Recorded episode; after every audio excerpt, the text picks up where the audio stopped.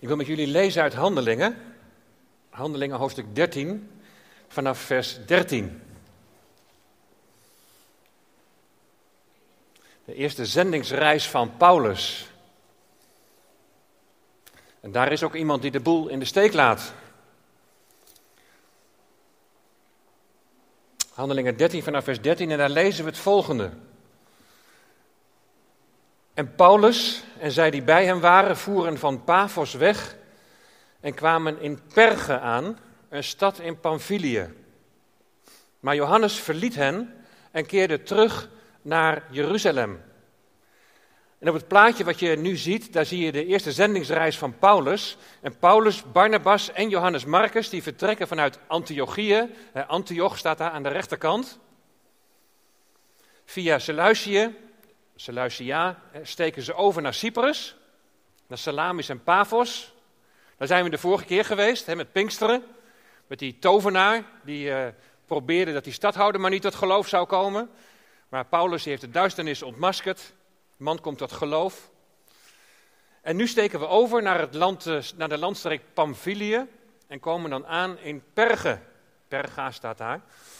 En daarboven Perga, daar zie je ook weer Antioch, Antiochië. Dat is dus ook een Antiochië, maar dat ligt in, niet in Syrië, maar dat ligt dus in Turkije.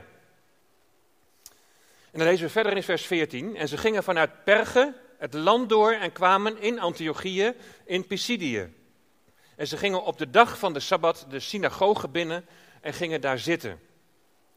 En na het voorlezen van de wet en van de profeten lieten de hoofden van de synagoge tegen hen zeggen: Mannen, broeders, als er bij u een woord van bemoediging is voor het volk, spreek dan. En toen stond Paulus op, wenkte met de hand en zei: Israëlitische mannen en u die God vreest, luister. En van de volgende versen maak ik even een samenvatting. Paulus vertelt dat ze als volk met krachtige arm zijn uitgeleid uit Egypte, uit de slavernij. Ze zijn 40 jaar door de woestijn gegaan. Ze komen in het beloofde land. Het land wordt verdeeld onder de stammen. En dan zijn er 450 jaar lang richteren tot aan de profeet Samuel. En dan komt koning David, of koning Saul als eerste koning. En dan koning David. En over die koning David wordt gezegd in vers 23: Uit zijn nageslacht heeft God voor Israël volgens de belofte de zaligmaker Jezus doen voortkomen. En dan weer even een samenvatting. Het is Johannes de Doper die de Heer Jezus aankondigt. Hij wordt, in zijn leven wordt hij door Pilatus veroordeeld. Dan vertelt Paulus over Jezus' kruisiging en opstanding en dat hij uit de dood is opgewekt en dat hij verschenen is aan zijn discipelen. En dan gaan we weer verder in vers 32. En wij verkondigen u de belofte die aan de vaderen gedaan is, namelijk dat God die vervuld heeft aan ons, hun kinderen door Jezus te verwekken. Zoals ook in de tweede psalm geschreven staat. U bent mijn zoon, heden heb ik u verwekt. En dat hij hem uit de doden heeft doen opstaan om niet meer tot ontbinding terug te keren, heeft hij zo gezegd: Ik zal u de weldaden van David geven die betrouwbaar zijn. Daarom zegt hij ook in een andere psalm: U zult uw heilige niet overgeven om ontbinding te zien. Immers, David is ontslapen nadat hij in zijn tijd het raadsbesluit van God uitgediend had. En hij is bij zijn vaderen gelegd en heeft wel ontbinding gezien. Maar hij die God opgewekt heeft, die heeft geen ontbinding gezien. Laat het u dan bekend zijn, mannen, broeders, dat door hem aan u vergeving van de zonden verkondigd wordt. En dat ieder die gelooft, door hem gerechtvaardigd wordt van alles waarvan u door de wet van Mozes niet gerechtvaardigd kon worden. Pas dan op dat u niet overkomt wat er gezegd is in de profeten. Zie, verachters, verwonder u en verdwijn.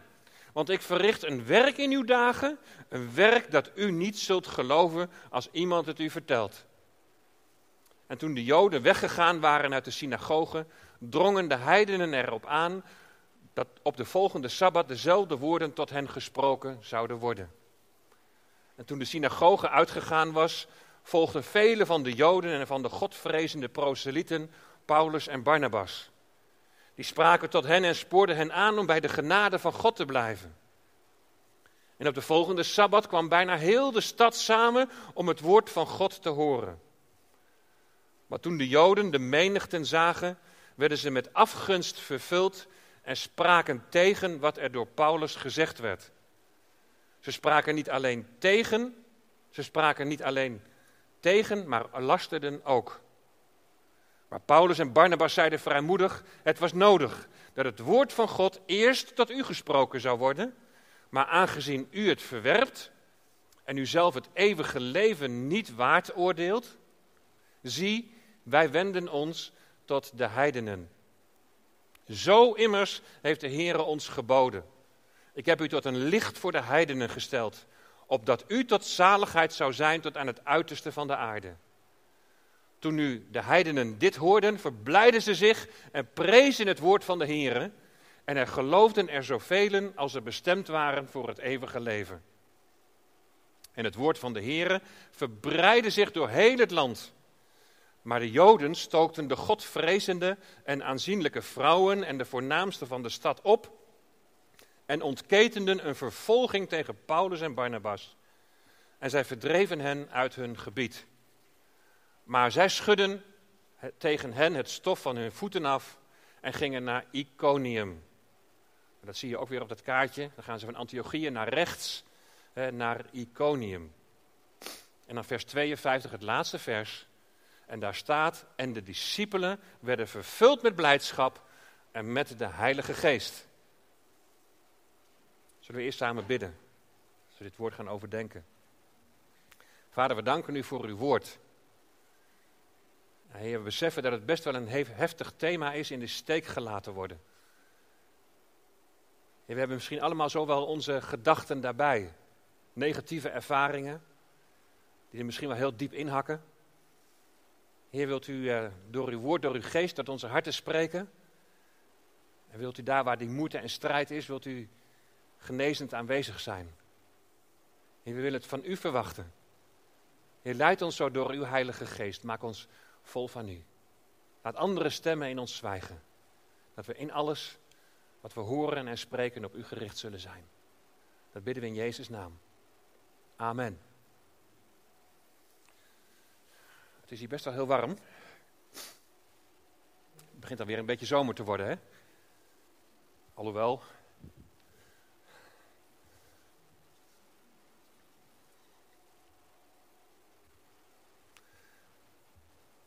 De discipelen werden vervuld met blijdschap en met de Heilige Geest. Werden vervuld. In de grondtekst, in het Grieks, dat geeft aan dat er bij voortduring sprake is van vervulling met blijdschap en vervulling met de Heilige Geest. Dankjewel. Je zag het heel goed. Blijdschap Voordat ze in Antiochië komen, heeft assistent Johannes Marcus Paulus en Barnabas al in de steek gelaten. Blijdschap. In Antiochië is er vervolging. Ze worden uit het gebied verdreven. Blijdschap. Hoe zit dat? Weet je, bij het overdenken van dit Bijbelgedeelte kwam ik in eerste instantie niet verder dan dat eerste vers dat we hebben gelezen. Vers 13. En Paulus en zij die bij hem waren, voeren van Paphos weg, dus van Cyprus, en kwamen in Perga aan, een stad in Pamphylië. En dan komt het, maar Johannes verliet hen en keerde terug naar Jeruzalem. En dat hield me bezig. Je kunt er misschien zo vluchtig even overheen lezen. Oké, die keer terug. Johannes Marcus, de assistent van Paulus en Barnabas, die haakt af. Ze hebben net Cyprus achter de rug. daar was de nodige geestelijke strijd. En dan zijn ze nog maar net op het vasteland. Eigenlijk nog maar het begin van de reis. En dan zegt Paulus, doei, ik houd het voor gezien. Ik ga terug naar Jeruzalem. En als je nou verderop leest in Handelingen 15, dan, dan merk je dat dit best wel een behoorlijke impact heeft. Want als Paulus dan daar staat voor zijn tweede reis, dan zegt hij: Johannes Marcus, die wil ik er niet bij hebben. Die is niet betrouwbaar, met andere woorden. En dan geeft het zelfs verwijdering tussen Paulus en Barnabas. Want Barnabas heeft zoiets van, ja, ik wil hem wel een tweede kans geven. Zo zie je dat een besluit om af te haken, dat het best wel hele grote gevolgen kan hebben. Johannes die verliet hen en hij keerde terug naar Jeruzalem. Er wordt geen reden opgegeven. We kunnen er slechts naar gissen. Maar wat de reden ook is geweest, Paulus heeft het in ieder geval niet positief opgevat. Ken je dat? Je voelt je in de steek gelaten. Ineens keert die ander je de rug toe en dan moet je het maar uitzoeken. Samen had je een doel voor ogen en je dacht helemaal dat je er samen voor ging. En dan ineens, dan, dan houdt het op. En er kunnen verschillende redenen voor zijn. En degene die je verlaat, die heeft er gewoon geen zin meer in. Die geeft misschien wat makkelijk op bij tegenslag. Heeft niet zo'n zo'n doorzettingsvermogen. Zal het dat geweest zijn bij Johannes Marcus? Of, of degene die je verlaat, die, die trekt het geestelijk niet meer. In het geval van Johannes, jongen, wat een toestand daar op Cyprus. Een toestand met die tovenaar. En nu komen we in Perge, ook al zo'n lekkere stad waar zo'n knots van een tempel staat voor Artemis. Een en al duisternis, een en al geestelijke strijd, ik hou het voor gezien. Of degene die je verlaat, die, die kan het lichamelijk niet aan. Lopend van stad naar stad, een lichamelijke uitputtingsslag. Het is me toch een drukte met die kinderen. En nu beginnen ze ook nog te puberen. En, en, en, en, en er wordt niks meer gewaardeerd. Ik zoek het maar uit. De energie stroomt weg. Als je in de steek gelaten wordt, dan komen er van allerlei emoties los. Als het geen onverschilligheid is om het voor gezien te houden, en ik kan me nauwelijks voorstellen dat dat bij Johannes Marcus het geval was, zou het ook kunnen dat een bepaalde druk wordt ervaren om aan verwachtingen van mensen te voldoen. Paulus die lijkt me wel zo'n type die in figuurlijke zin de zweep er wel overheen legt. En we hebben al gezien dat hij niet open staat voor een tweede kans. En weet je, je kunt ook een situatie creëren dat de ander je in de steek laat. Niet met je verder wil. Je kunt de druk van de verwachtingen kun je niet meer aan. En je bent niet sterk genoeg om, om gewoon daarin staande te blijven. In de steek laten, in de steek gelaten worden. En we zien dat helaas ook in huwelijken gebeuren. Soms dan zie je het al aankomen.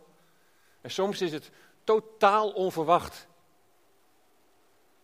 En je bent zo lang met elkaar opgetrokken. Je hebt al zoveel met elkaar meegemaakt. En, en, dan ineens, dan lukt het niet meer. Dan, dan, dan, dan scheiden de wegen. Wat een pijn. Wat een verdriet. Het kan ook spelen met een partner op zakelijk vlak. Met een collega. Je bent met elkaar onderweg en je, deelt dezelfde passie. En opeens dan blijkt die ander niet meer achter je te staan. Die ander die valt je af. En je voelt je in de steek gelaten. Je kunt er soms zomaar, voordat je het weet, alleen voor staan. En we zien hier in Handelingen 13 dat het speelt bij broeders die samen onderweg zijn. Ook in de kerk kun je op een gegeven moment kun je, kun je elkaar kwijtraken. Je voelt je in de steek gelaten. En, en wat het ook precies is, eh, eh, het doet iets met je. En afhankelijk van de ernst van, van het in de steek gelaten worden, kan het een behoorlijke impact op je hebben. Pijn, verdriet, teleurstelling, boosheid, onmacht, radeloosheid. Het kan allerlei emoties in je losmaken en je moet daar op een gegeven moment dan maar een weg in zien te vinden. Hoe ga je ermee om? Hoe ga je erop reageren? En wat betekent het dan voor de onderlinge relatie? Wat bezielt Johannes Marcus? Ik heb vroeger ook wel eens de neiging gehad om terug te keren. dat je op LinkedIn toch even kijkt wat voor administratieve banen daar worden aangeboden. dat de geestelijke strijd je soms even te heftig wordt. Of dat om wat voor reden dan ook je energie wegloopt en, en alles te veel is. Het frustreert mij wel eens dat ik voor mijn gevoel niet iedereen de aandacht kan geven die ik zou willen geven. Weet je, en mensen tonen dan wel begrip hè, dat je in zo'n grote gemeente en niet voor iedereen kunt zijn. Maar soms voelt het wel zo dat je mensen in de steek laat. Misschien zijn er nu al mensen die luisteren, die zich in deze coronatijd bijvoorbeeld in de steek gelaten voelen. En je had misschien wel een teken van leven uit de gemeente verwacht, maar, maar het is zo stil. Soms zien we dat de een die wordt bedolven onder aandacht en de ander die wordt op de een of andere manier over het hoofd gezien. Je voelt je misschien ook wel in de steek gelaten. En dan krijg je wellicht de neiging om, om dan maar wat afstand te nemen. Of misschien zelf wel weg te vluchten en de boel in de steek te laten. Complex toch allemaal. Johannes Marcus, die gaat terug naar Jeruzalem. En ik weet helemaal niet waarom hij daar naartoe terugkeert. Maar in geestelijk opzicht moest ik denken, als je niet meer de kracht hebt om door te gaan, omdat je in de steek gelaten bent. Of als je de neiging hebt om, om weg te vluchten of de boel in de steek te laten, ga dan terug naar Jeruzalem. Jeruzalem is het geestelijk centrum. Het geestelijk centrum van, van Israël, het geestelijk centrum van deze wereld. Daar waar de tempel staat, daar waar God aanwezig is waar op de een of andere manier verwijdering is ontstaan, is allereerst geestelijk herstel nodig. En dat begint bij jezelf. Terug naar het hart van aanbidding. Even weg uit de automatismes. Het altijd maar weer doorgaan en doorgaan. Op de plaats rust en dicht bij het vaderhart van God. Terug naar Jeruzalem. Herbezinning. Hoe is je relatie met God? Waar ik de neiging had om terug te keren, moest ik me altijd herbezinnen op mijn relatie met God. En ik moest me voortdurend weer afvragen: leef ik nog wel steeds in afhankelijkheid van Hem? Ben ik in mijn kracht afhankelijk van Zijn kracht in mij? Of ben ik nu bezig in eigen kracht een beetje te ploeteren? En dat gebeurde ook regelmatig dat ik tot die conclusie moest komen. Ik moest weer terug aan de voeten van de Heer Jezus. En bidden om de vervulling en de leiding van de Heilige Geest.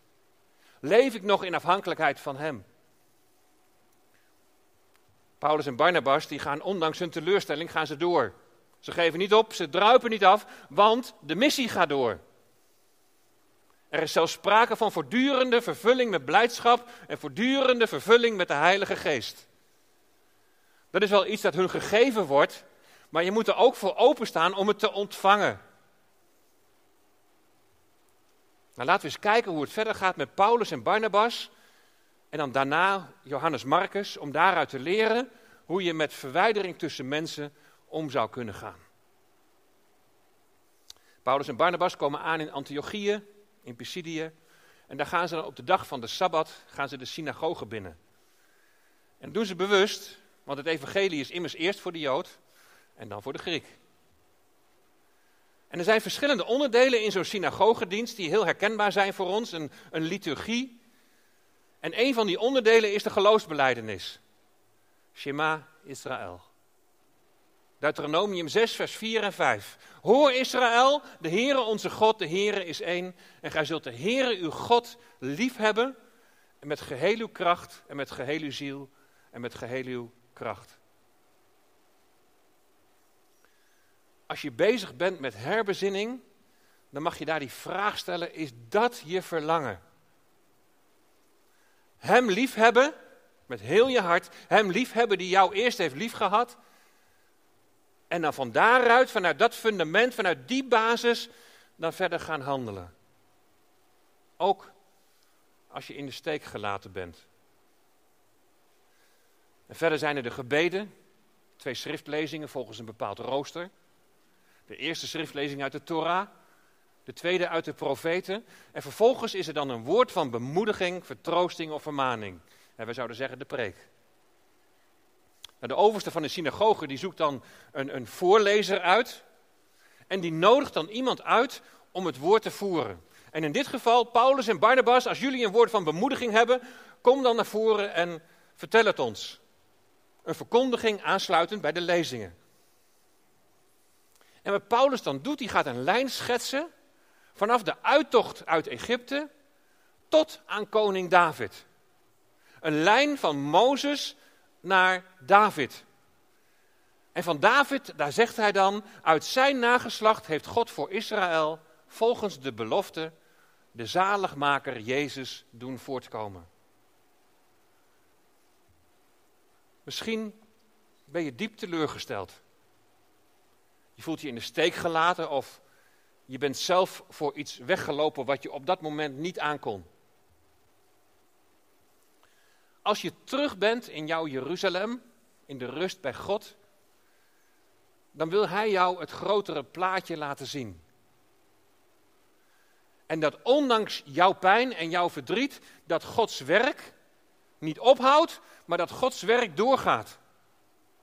En dat Hij ook, ondanks alle gebrokenheid die er is, dat Hij ook met jou, in jouw pijn en in jouw gebrokenheid, dat Hij door wil gaan. Weet je, God is altijd met zijn volk geweest, van Mozes tot David en daarvoor en daarna tot op de dag van vandaag. En ondanks alle fouten die er zijn gemaakt, ondanks het feit dat het volk God steeds weer in de steek laat, geeft hij niet op. Hij begint steeds weer opnieuw. Vanuit de psalmen laat Paulus zien dat God zijn zoon heeft verwekt, als mens geboren heeft doen worden. Het volk had hem in de steek gelaten. Maar hij blijft dan niet steken in het onrecht dat hem wordt aangedaan. Maar hij komt in zijn zoon naar het volk toe. Hij doet een ultieme poging tot herstel. Psalm 2, u bent mijn zoon, heden heb ik u verwekt. En dan wordt verwezen naar de geboorte van de Heer Jezus. dan ben je in de steek gelaten en dan neem jij het initiatief om tot verzoening te komen. En dan is daar opnieuw weer afwijzing. door Pilatus veroordeeld, die zijn handen in onschuld wast. Het opgehitste volk roept, kruisig hem. Ze keren hem de rug toe. Ze laten hem in de steek. En dan juist die kruisiging wordt de weg naar herstel. Jezus geeft zijn leven voor mensen die hem in de steek laten. Laat het eens even op je inwerken. Jezus geeft zijn leven voor mensen die hem in de steek hebben gelaten. En wat betekent dat dan voor ons, wij die volgelingen van Jezus willen zijn? Wat betekent dan zo'n tekst van, ja, als je mij wilt navolgen, moet je je kruis opnemen? In de Bijbel staat dat je als navolgeling van Christus met hem bent gekruisigd. Ja, gekruisigd met Christus zijn betekent je zonde zijn vergeven. Want de aanklacht tegen jou is aan het kruishout gespijkerd. Hij die tot zonde wordt gemaakt. Hij in plaats van jou. Je beleidt in de doop, ik ben met Christus de dood ingegaan. Maar besef je wat je dan zegt? En wat dat betekent? Je oude leven is de dood ingegaan. Dat betekent vergeving van zonde. Maar dat betekent ook dat je niet meer wilt leven naar die oude mens. Maar dat je in jouw leven en in jouw handelen wilt gaan lijken op de Heer Jezus. Hij gaf zijn leven voor mensen die hem in de steek hebben gelaten. Hoe zit het met jouw verlangen naar, naar verzoening, naar, naar herstel? En ben je dan ook bereid om jezelf, net als de Heer Jezus, weg te cijferen ten behoeve van die ander? Want dat is wat Jezus heeft gedaan. Het lijkt misschien onmogelijk. Ik weet natuurlijk niet in, in, in welke mate dit, dit onderwerp je raakt. je kunt in heel extreme mate met verlating te maken hebben gehad. En dan denk je misschien wel, ja, en, en, en dan zomaar herstel. Weet je, de pijn is nog zo hevig. En je zou niet weten hoe dan. Ja, het is soms een heel proces. Maar de vraag is, wie bepaalt jouw proces? Ga terug naar Jeruzalem. Want je kunt het niet in eigen kracht. Daarom haalt Paulus nog een andere psalm aan, Psalm 16. U zult uw heilige niet overgeven om ontbinding te zien. Hij verwijst naar de opstanding van de Heer Jezus. Ja, je beleidt in de doop ook, ik ben met Christus opgestaan. Opstanding is onze hoop en onze zekerheid van het eeuwige leven. Straks voor altijd bij Hem, die jou onvoorwaardelijk lief heeft. Die ondanks dat jij Hem in de steek liet, jou heeft opgezocht. Maar opstanding en leven is niet alleen iets toekomstigs voor straks, maar ook al voor vandaag. Terugkomen in Jeruzalem, daar besef je hoe belangrijk het is om heel dicht bij God te leven, om in afhankelijkheid van Hem te leven. En met zo met Hem door jouw proces te gaan. Je te laten leiden door de Heilige Geest en Hem in je leven de ruimte te geven om van binnenuit genezing van pijn te ontvangen. En zo van binnenuit, stapje voor stapje, te veranderen naar het beeld van de Heer Jezus. Ik wil doen wat Hij zou doen. En dat je zo toenadering zoekt tot degene die jou verlaten heeft. Ook als je iemand verlaten hebt.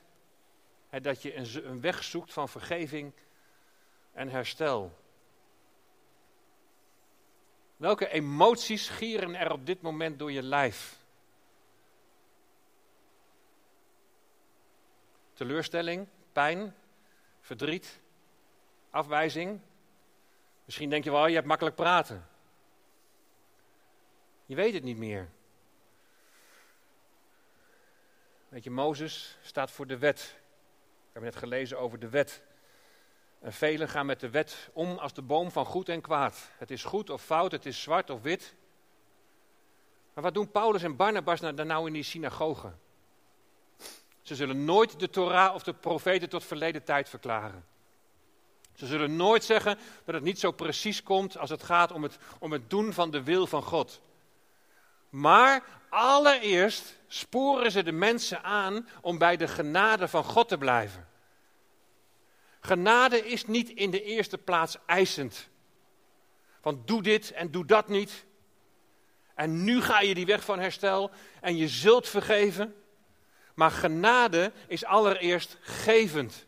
En God geeft zijn zoon. God schenkt vergeving. God schenkt zijn heilige geest. En vervolgens wil hij gehoorzaamheid in je gaan uitwerken.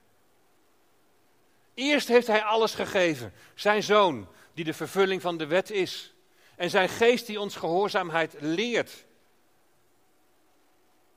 De geest die als je het niet meer weet, je tot hulp wil zijn. Die je de weg wil wijzen als je zelf geen uitkomst meer ziet. De boodschap van Paulus en Barnabas brengt nogal wat teweeg. De volgende sabbat is er een menigte op de been die hun boodschap wil horen. Maar dan worden de Joden met afgunst en met jaloezie vervuld. Zoals John Boekhout afgelopen zondag zei, het is een etnische kwestie. Strijd tussen Joden en heidenen. De Joden wijzen Paulus' boodschap af. En daarmee wijzen ze opnieuw de Heer Jezus af en laten ze hem in de steek. Weet je, je kunt verzoening en herstel kun je niet forceren.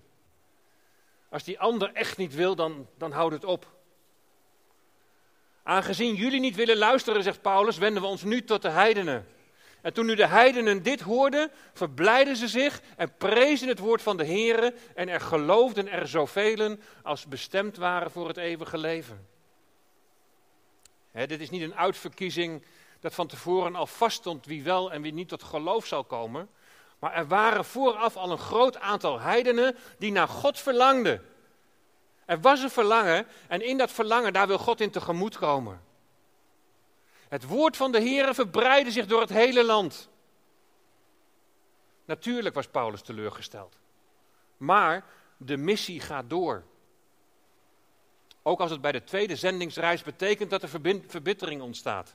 Gods werk gaat door, ondanks onze verkeerde keuzes. Hoe gaat het dan verder met Johannes Marcus? Is nu alle hoop vervlogen? Is er voor hem geen plek meer in het dienstwerk van God? Nou, we zien, zoals ik al heb gezegd in Handelingen 15, dat Barnabas hem meeneemt. Dus met zijn dienst aan God is hij niet afgelopen. En wederom gaan ze naar Cyprus. Ik dacht bij mezelf, hé, hey, moet er nog even wat, uh, wat rechtgezet worden? Even weer naar diezelfde plek terug, het zou maar kunnen. Maar later komt het met Paulus, komt het ook weer helemaal goed met Johannes Marcus. Je kunt dat lezen in 2 Timotheus 4, vers 9 tot 11. Doe uw best, dat zegt Paulus tegen Timotheus, doe uw best spoedig tot mij te komen. Want Demas heeft mij uit liefde voor de tegenwoordige wereld verlaten. Alweer iemand die hem in de steek gelaten heeft. Hij is naar Thessalonica vertrokken, Crescus naar Galatië, Titus naar Dalmatië. Alleen Lucas is bij mij. En dan haal Marcus af en breng hem mede, want hij is mij van veel nut voor de dienst. Deze Marcus, dat is Johannes Marcus. Mooi is dat, hè? Haal hem op, want hij is mij veel nut, van veel nut voor de dienst. Voor de bediening die aan Paulus is gegeven. Uiteindelijk mag hij bij Paulus ook weer opnieuw beginnen. De kerkleraar Clemens van Alexandrië, die leefde in 125 tot 215, die beschrijft dat Johannes Marcus ook een leerling en metgezel was van Petrus. En dat hij het evangelie naar Marcus heeft geschreven. En hij heeft dat gedaan naar de mondelinge overlevering van Petrus. Johannes Marcus haakte af in Pergen. Waar ben jij afgehaakt? Of wie heeft jou gelost? Is er nog een mogelijkheid tot, tot herstel? En voel je toch van binnen dat, dat, dat verlangen? Of moet je het stof van je schoenen schudden? Misschien later nog eens, op Gods tijd. Johannes Marcus keerde terug naar Jeruzalem. En vanuit dit geestelijk centrum van de wereld is het niet afgelopen, maar is er juist weer een nieuw begin. En weet je, dat is genade. God in de steek gelaten door mensen, zoekt ze in genade op. Hij, verlaten door zijn vader, brengt ons in relatie met hem. Zie hoe Jezus lijdt voor mij aan het kruis de dood nabij. Die voor mij het oordeel draagt. Hij die tot zonde wordt gemaakt. Wat een offer. Hij voor mij. Wie wil worden zoals hij? Zoveel pijn, ongerechtigheid is op hem die voor mij strijdt.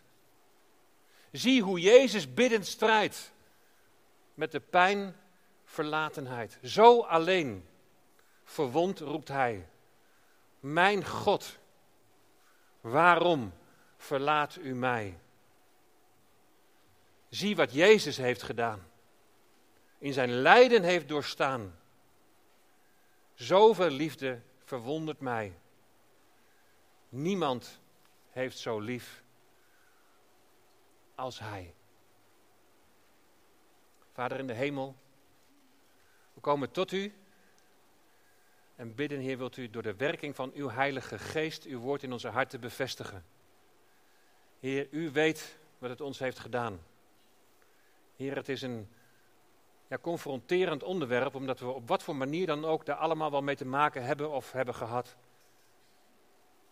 Misschien zit daar nog een stuk pijn of verdriet van. Misschien ook wel een stuk radeloosheid van. Wel aan de ene kant het verlangen naar herstel, maar aan de andere kant daarin een weg niet zien. Heer, we leggen het in uw hand. Komt u tot uw doel met een ieder van ons en leer ons, terugkomend in Jeruzalem, aan uw voeten. Leer ons, Heer, om ja, te doen wat u zou doen. Ook al gaat dat misschien helemaal tegen ons gevoel in. Maar dat we iets van die liefde van u, die onvoorwaardelijke liefde, dat we daar iets van mogen weerspiegelen. Naar elkaar. En dank u wel, Heer, dat er altijd een nieuw begin is. Bijzonder hoe Johannes Marcus zo geweldig is gebruikt in uw dienst. Terwijl het even leek alsof het allemaal afgelopen was. Maar u bent de God van herstel. En we bidden, Heer, dat we zo samen in uw dienst mogen staan en dat nog velen hun knieën voor u zullen buigen. Zullen erkennen dat u de weg, de waarheid in het leven bent. Niemand komt tot de Vader dan door u. Heer, leidt ons zo. Ook als we zo het avondmaal gaan vieren.